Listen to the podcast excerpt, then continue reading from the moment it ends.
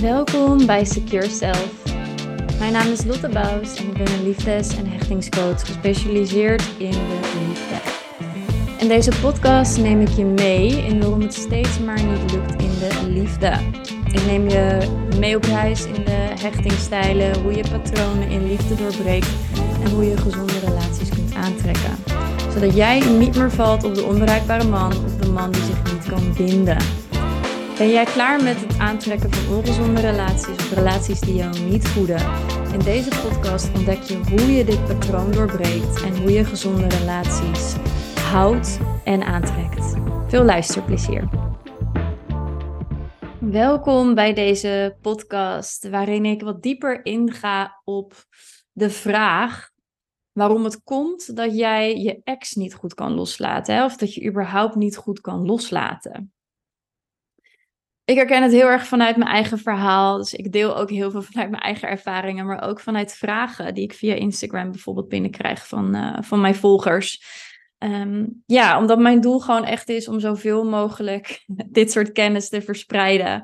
Omdat ik iedereen gewoon echt een gelukkig liefdesleven gun en een fijne relatie met zichzelf. Omdat dat gewoon zo'n enorme basis is voor alles in je leven eigenlijk dus eigenlijk kwam deze vraag uh, van een van mijn volgers. En ik dacht dat het wel een hele mooie was om te bespreken in de podcast. Omdat ik het zelf zo heb ervaren als heel moeilijk om mijn ex los te laten.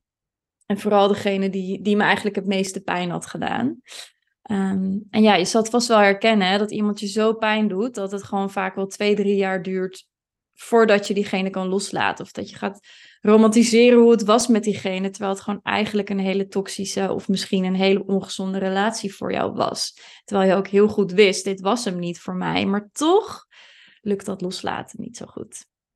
Dus ik ga het in deze podcast um, daar meer over hebben en een kleine disclaimer daarvan. Uh, het heeft te maken met je hechtingsstijl. Dus als je die podcast nog niet hebt geluisterd, zorg dat je die ook eventjes uh, luistert, zodat je daar al een klein beetje kennis over hebt. Ik zal er een klein beetje over uitleggen in deze podcast, omdat het natuurlijk hier aan gelinkt is.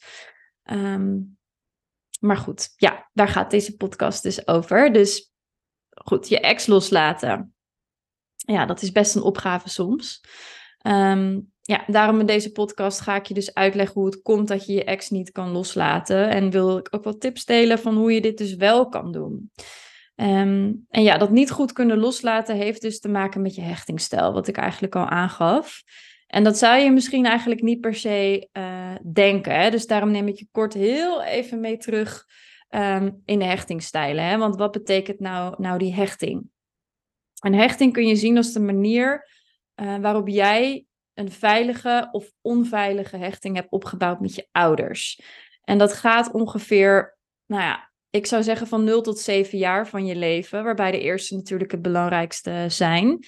En hieruit komt dan jouw hechtingsstijl. Dus eigenlijk um, is jouw hechtingsstijl de manier waarop jij je nu ook aan een partner hecht. Hè? Omdat je eigenlijk opzoekt wat je vanuit je jeugd als blauwdruk daarin, als hechtingstijl hebt ontwikkeld, dat trek je nu weer aan in een partner eigenlijk. Dus je kan het je voorstellen, je hecht je aan je ouders en je hecht je ook aan een partner. Hè? En de partner die staat voor jouw systeem gelijk aan um, nou ja, de manier waarop je met je ouders bent gehecht. Dus jij hecht je dus aan je partner. Zoals jij vroeger aan je ouders bent gehecht. En nu bestaan er natuurlijk veilige hechtingstijlen en onveilige hechtingstijlen. En als jij dus niet veilig of angstig bent gehecht, dan heeft dit heel veel invloed. Kan je je best voorstellen hè? dat dat uh, op je relaties in je volwassen leven, dat je daarmee te maken krijgt. En dat dat ook te maken heeft met in hoeverre jij kan loslaten. Um, nou ja, hier, vanuit hier kan je eigenlijk best wel een bruggetje maken naar nou ja, hoe die dynamiek van bindings- en verlatingsangst werkt en wat dat dus is omdat deze dus eigenlijk ontstaan vanuit een onveilige hechting. Hè? Er is gewoon niet de mogelijkheid geweest om jou helemaal veilig te hechten. Um, dus ja, daarom betrek ik het een beetje bij loslaten. Omdat als je last hebt van bindingsangst, verlatingsangst, uh, dat daar gewoon te maken mee heeft. Dus um, het, raakt je eigenlijk het meest, weet ik uit mijn eigen ervaring, als je in je verlatingsangst zit. Hè? Dus als je echt angstig bent gehecht, dan heb je vaak het meeste moeite met het loslaten. Dus wanneer jij last hebt van die verlatingsangst of die angstige hechting snel, ga je of stort je je heel vaak heel snel in relaties. Hè? Dus ehm, dat herken je misschien wel. Uh, dat je echt in een soort droomwereld zit en de ander helemaal op een voetstuk zet en helemaal de romantiek ervan ziet. En gelijk helemaal verliefd bent, terwijl je hem eigenlijk nog helemaal niet zo goed kent. Maar je wilt gewoon heel graag die fijne relatie. Hè? Je wilt zo graag, je wilt het zo graag hebben, omdat het vroeger zo inconsistent is geweest. Dus wanneer jij die kans krijgt, dan uh, sta jij gewoon daar helemaal voor klaar hè? en ben je er helemaal voor de ander. De paradox daarin is helaas, um, ja, zo dat je misschien in eerste instantie ja, niet helemaal staat te springen. Dat je voelt van, nou, ik weet het niet, ik weet niet of dit hem is. Dat je een klein beetje de boot afhoudt. Uh, nou goed, dan kan je dus misschien wat meer in je bindingsangst zitten. Um, ja, en dat merk je misschien dan ook wel, hè, dat wanneer jij wel besluit ervoor te gaan en je openstelt, dat de ander dan een klein beetje je, uh, je wegduwt en dat jij dan weer de verlatingsangst terechtkomt. Het is een mooie dynamiek. Uh, maar hoe dan ook, je herkent het vast dat je helemaal in die relatie zit, hè, voordat je de ander echt goed kent. Dat je over je grenzen gaat, hè, dat je jezelf eigenlijk verlaat, omdat je de liefde gewoon zo graag wilt. Dus zo kijk je op het einde van de relatie vaak terug op een relatie die helemaal niet zo geweldig was. En waarvan je eigenlijk um, nou, inziet dat die niet goed voor jou was, of dat hij eigenlijk helemaal niet per se diende. Hè, maar wanneer de ander het niet meer wilt of het uitmaakt, uh, ga je het eigenlijk romantiseren. Dus kijk je alleen maar naar wat er wel goed ging. Oh, het was zo fantastisch. We hebben zo'n leuke week in Parijs gehad. Terwijl je eigenlijk vergeet dat hij door de week helemaal niet appte. Of jou echt een kutgevoel gaf. Of dat je gewoon helemaal niet gelukkig was. En daardoor ga je jezelf ook de schuld geven. Hè? Nou, als ik maar leuk was geweest, dan was die niet weggegaan. Als ik wat meer mijn best had gedaan, dan het, hadden we nu nog een relatie gehad. Als ik niet zo. Nou ja, goed, je kan hem wel invullen voor jezelf. Hè? Misschien herken je wel dat dat gedachtenspinsels zijn geweest in je hoofd ik herken het in ieder geval wel van de relatie die ik met mijn ex had. Want dat was helemaal geen leuke relatie, maar ik ging het romantiseren en ik betrok het heel erg op mezelf. Van als ik maar knap was geweest of als ik maar meer die kleren had aangehad, dan, hè, goed. Je maakt jezelf helemaal gek daarmee. Ehm, ja, en dat is dus eigenlijk precies wat er, wat er gebeurt hè, in, in, in, je, in, je, in je hoofd, in die dynamiek. Je, je schiet naar je hoofd toe. Um, ja, en daar zit eigenlijk ook de oplossing, als je het zo ziet. Want waarom schiet je bijvoorbeeld naar je hoofd? Hè? Omdat het enorm veel pijn doet dat iemand een relatie uitmaakt. Of hij nou de relatie heeft uitgemaakt, of, of jij. Het doet gewoon pijn. En wij als mens zijn gewired, zijn ervoor gemaakt om pijn uit de weg te gaan. Dus wat willen we? We willen die pijn eigenlijk niet voelen. En eigenlijk is je systeem daar gewoon heel slim in. Hè? Want omdat het weg wilt van de pijn, pijn voel je in je lichaam. Dus wat het doet, is dat je naar je hoofd schiet. Hè, dat zorgt ervoor dat je die pijn even niet hoeft te voelen. Um, ja, en blijf je eigenlijk de hele dag doorlopen met die wat als gedachte. Van ja, wat nou als ik dit of wat nou als ik dat. En dat je eigenlijk gaat fantaseren, gaat romantiseren over hoe de relatie was. Terwijl het eigenlijk helemaal niet zo leuk was. En ja, zo hoef je dus ook eigenlijk niet naar de pijn te gaan. En niet helemaal. Je blijft in dat verhaal hangen, je blijft in je hoofd hangen. Dus je kan het eigenlijk zien als een vlucht om die pijn van afwijzing maar niet te hoeven voelen. Dus daar wordt loslaten eigenlijk ontzettend moeilijk door. Ehm, dus hier kun je ook die link gaan leggen met die onveilige hechting, uh, waardoor je bindingsangst hebt of verlatingsangst hebt. Um, dus wanneer je last hebt van bindings, verlatingsangst, ben je gewoon niet zo goed in staat om naar je gevoel te gaan. Ja, dus een veilige hechtpersoon, uh, nou ja, zal misschien wat meer last hebben van liefdesverdriet, hè? maar dat is gewoon een rouwproces en dat is normaal. Die kan het de pijn verwerken en die gaat weer door. Hè? Op, een, op een soort van gezonde manier. Die blijft er niet zo in hangen, die zit niet zo in zijn hoofd, die blijft niet zo malen, die blijft er niet jaren mee rondlopen. Maar als jij een wat onveiligere hechtingsstijl hebt gehad, is dat gewoon onmogelijk. Hè? Omdat je het, ja, het contact met je gevoel verloren bent.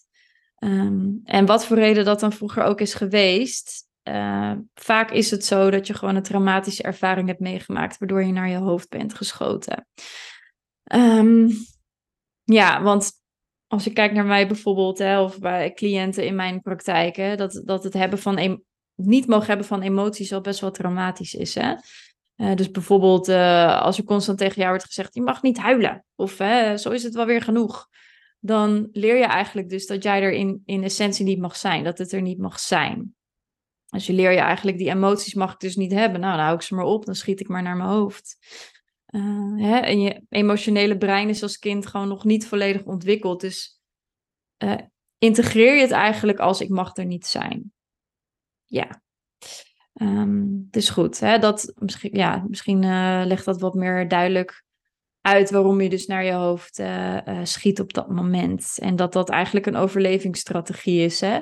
En dat er dat eentje is geweest die je nodig had om te overleven. Maar nu je volwassen bent, hoeft dat eigenlijk gewoon niet meer. Alleen, ja, wat ik al in een eerdere podcast heb uitgelegd, is dat eigenlijk op die leeftijd dat het gebeurde bevroren. Hè? Dus die, die, neemt geen, die ziet geen tijd. Dus nu jij ouder bent geworden, reageer je dus eigenlijk nog steeds als dat kleine kind. Um, ja, dus loslaten is dus moeilijk voor je als je een onveilige hechtingsstijl hebt, omdat je gewoon niet zo goed naar je gevoel durft te gaan. Um, hè? En soms, als ik dit dan tegen mijn cliënten zeg, dan zeggen ze ook van ja, maar ik voel juist zoveel. Ik heb zoveel verdriet, ik ben er zo kapot van. Maar ik wil je eigenlijk uitnodigen om dan het verschil te voelen tussen echt vanuit je hart, vanuit je lichaam, vanuit je lijf die emoties voelen. Of dat het emoties zijn die je in je hoofd hebt gecreëerd. dus dat je misschien ook wel merkt dat je die ex gaat romantiseren. Op een bepaalde manier neerzet. Ehm, die eigenlijk helemaal niet weergeeft hoe die relatie helemaal was. Hè? Uh, of dat je de schuld bij jezelf gaat neerleggen. Hè? Zodat je die rouwverwerking eigenlijk niet helemaal 100% uitgaat, aangaat. ja, ja. Ehm, dus ja, je kan dit eigenlijk allemaal zien als overlevingsstrategieën. Hè? Om weg te gaan bij de pijn, weg te gaan bij het gevoel van afwijzing, om dat op een gezonde manier te processen. Um, dus ja, het gevoel van afwijzing zit eigenlijk in je hart. En dat is dus waar je gewoon niet wil zijn. Hè? Of misschien wil je daar wel zijn, maar weet je gewoon niet zo goed hoe je daar kunt komen. Ja, dus ik hoop dat dit een klein beetje beter weergeeft, hè, of uitleg geeft in waarom je in deze situatie zit en waarom het zo lastig is om los te laten. Uh, omdat je eigenlijk gewoon niet zo goed bij dat gevoel kan komen, hè, om het te processen, om het te digesten en om het los te laten. Dus om drie stappen te geven, uh, nou ja, die ik heb gebruikt om om mijn ex uiteindelijk los te laten. Omdat ik op een gegeven moment ook voelde van ja, dit raakt zo'n oude pijn. Dit gaat helemaal niet eens om hem. Uh, ik ben er nu al twee jaar mee bezig. Waarom voel ik nou niet echt wat er, wat er onder al die verhalen zit? Hè? Onder al die ja, maar als dit of als ik maar dit had gedaan of dat had gedaan. Maar dat ik echt bij mijn hart uit mocht komen. Um, dus ja, eigenlijk is nummer één dat je gewoon realistisch mag zijn naar jezelf. Hè? En op de relatie mag reflecteren. Hoe Voelde jij je nou echt in die relatie? Voelde je je veilig? Voelde je je fijn? Was er liefde? En natuurlijk zijn er altijd leuke dingen, maar dat je ook echt focust op wat er dus niet leuk was. Hè? Ehm, want geen één relatie is altijd leuk, maar was dit nou echt de relatie waar je van droomt, hè? die je heel graag wilde? Was deze relatie echt goed voor jou? En om daar echt, echt realistisch naar te kijken. Ja. En dan nummer twee. Um, kijk of je zacht kan zijn naar jezelf. Hè? Of je jezelf kan vergeven. En dat je erachter komt dat je misschien bepaalde dingen niet goed hebt gedaan. Tussen haakjes, want ja, dat kan hè.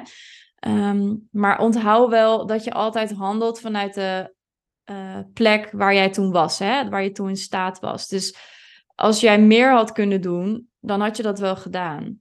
Dus kijk of je van dat schuldgevoel af kan. En hè, dat je niet in die wat als uh, valt. Hè? Dat je er eigenlijk weg van blijft. En dat je eigenlijk de spiegel gaat zien die die relatie jou geeft. Hè? Zodat je het in de volgende relatie anders kan doen. het verleden is het verleden en dat kan je gewoon helaas niet meer veranderen. Dus het heeft helemaal geen zin om constant bezig te zijn met wat als ik dit had gedaan of wat als dat was gebeurd. Daar heb je gewoon niet zoveel aan. Het enige waar je wat aan hebt is de invloed die je hebt op je gedrag, de les die je eruit haalt en de toekomst. Ja. Uh, nummer drie, en de allerbelangrijkste is om naar je gevoel te gaan en dan vooral naar je hart. Hè, dus kijk of je de, um, de les eruit kan halen en dat je eigenlijk teruggaat naar je jeugd, weet je wel. Waar, waar kom je vandaan? Wat voor gezin? Wat voor trauma's heb ik eventueel opgenomen? Uh, wat voor patronen zijn er ontstaan? En wat voor overlevingsstrategieën heb ik in moeten zetten? Waren mijn emoties welkom? Um, ja, en vanuit die herkenning, hè, vanuit dat je daar eigenlijk induikt en dat je jezelf gaat begrijpen, kun je langzaam die helingsreis gaan inzetten. En um, ja, vanuit die heling zul je gaan merken dat het veiliger gaat zijn om in je lijf te zijn, hè, om je emoties te voelen, hè, dat je weer meer verbinding voelt met jezelf, met je gevoel. En dat je daardoor eigenlijk dat patroon langzaam kan gaan doorbreken hè, en dat je dat gedrag kan gaan veranderen. Dus ik hoop dat dit wat clarity heeft gegeven over waarom je gewoon niet zo goed kan loslaten. En dat eigenlijk altijd de helende beweging is om naar je gevoel te gaan. En dan echt naar je hartsgevoel. Niet alles wat je in je hoofd eigenlijk verzint. Dus ik hoop dat je wat aan deze podcast hebt gehad. Um, ja, mocht je vragen hebben, je kunt me altijd even een berichtje sturen via Instagram. Uh, als je deze podcast leuk vindt, fijn vindt, kan je natuurlijk altijd eventjes een rating geven. Dat zou mij enorm helpen. En ik wens jou nog een hele, hele fijne dag. Bedankt voor het luisteren.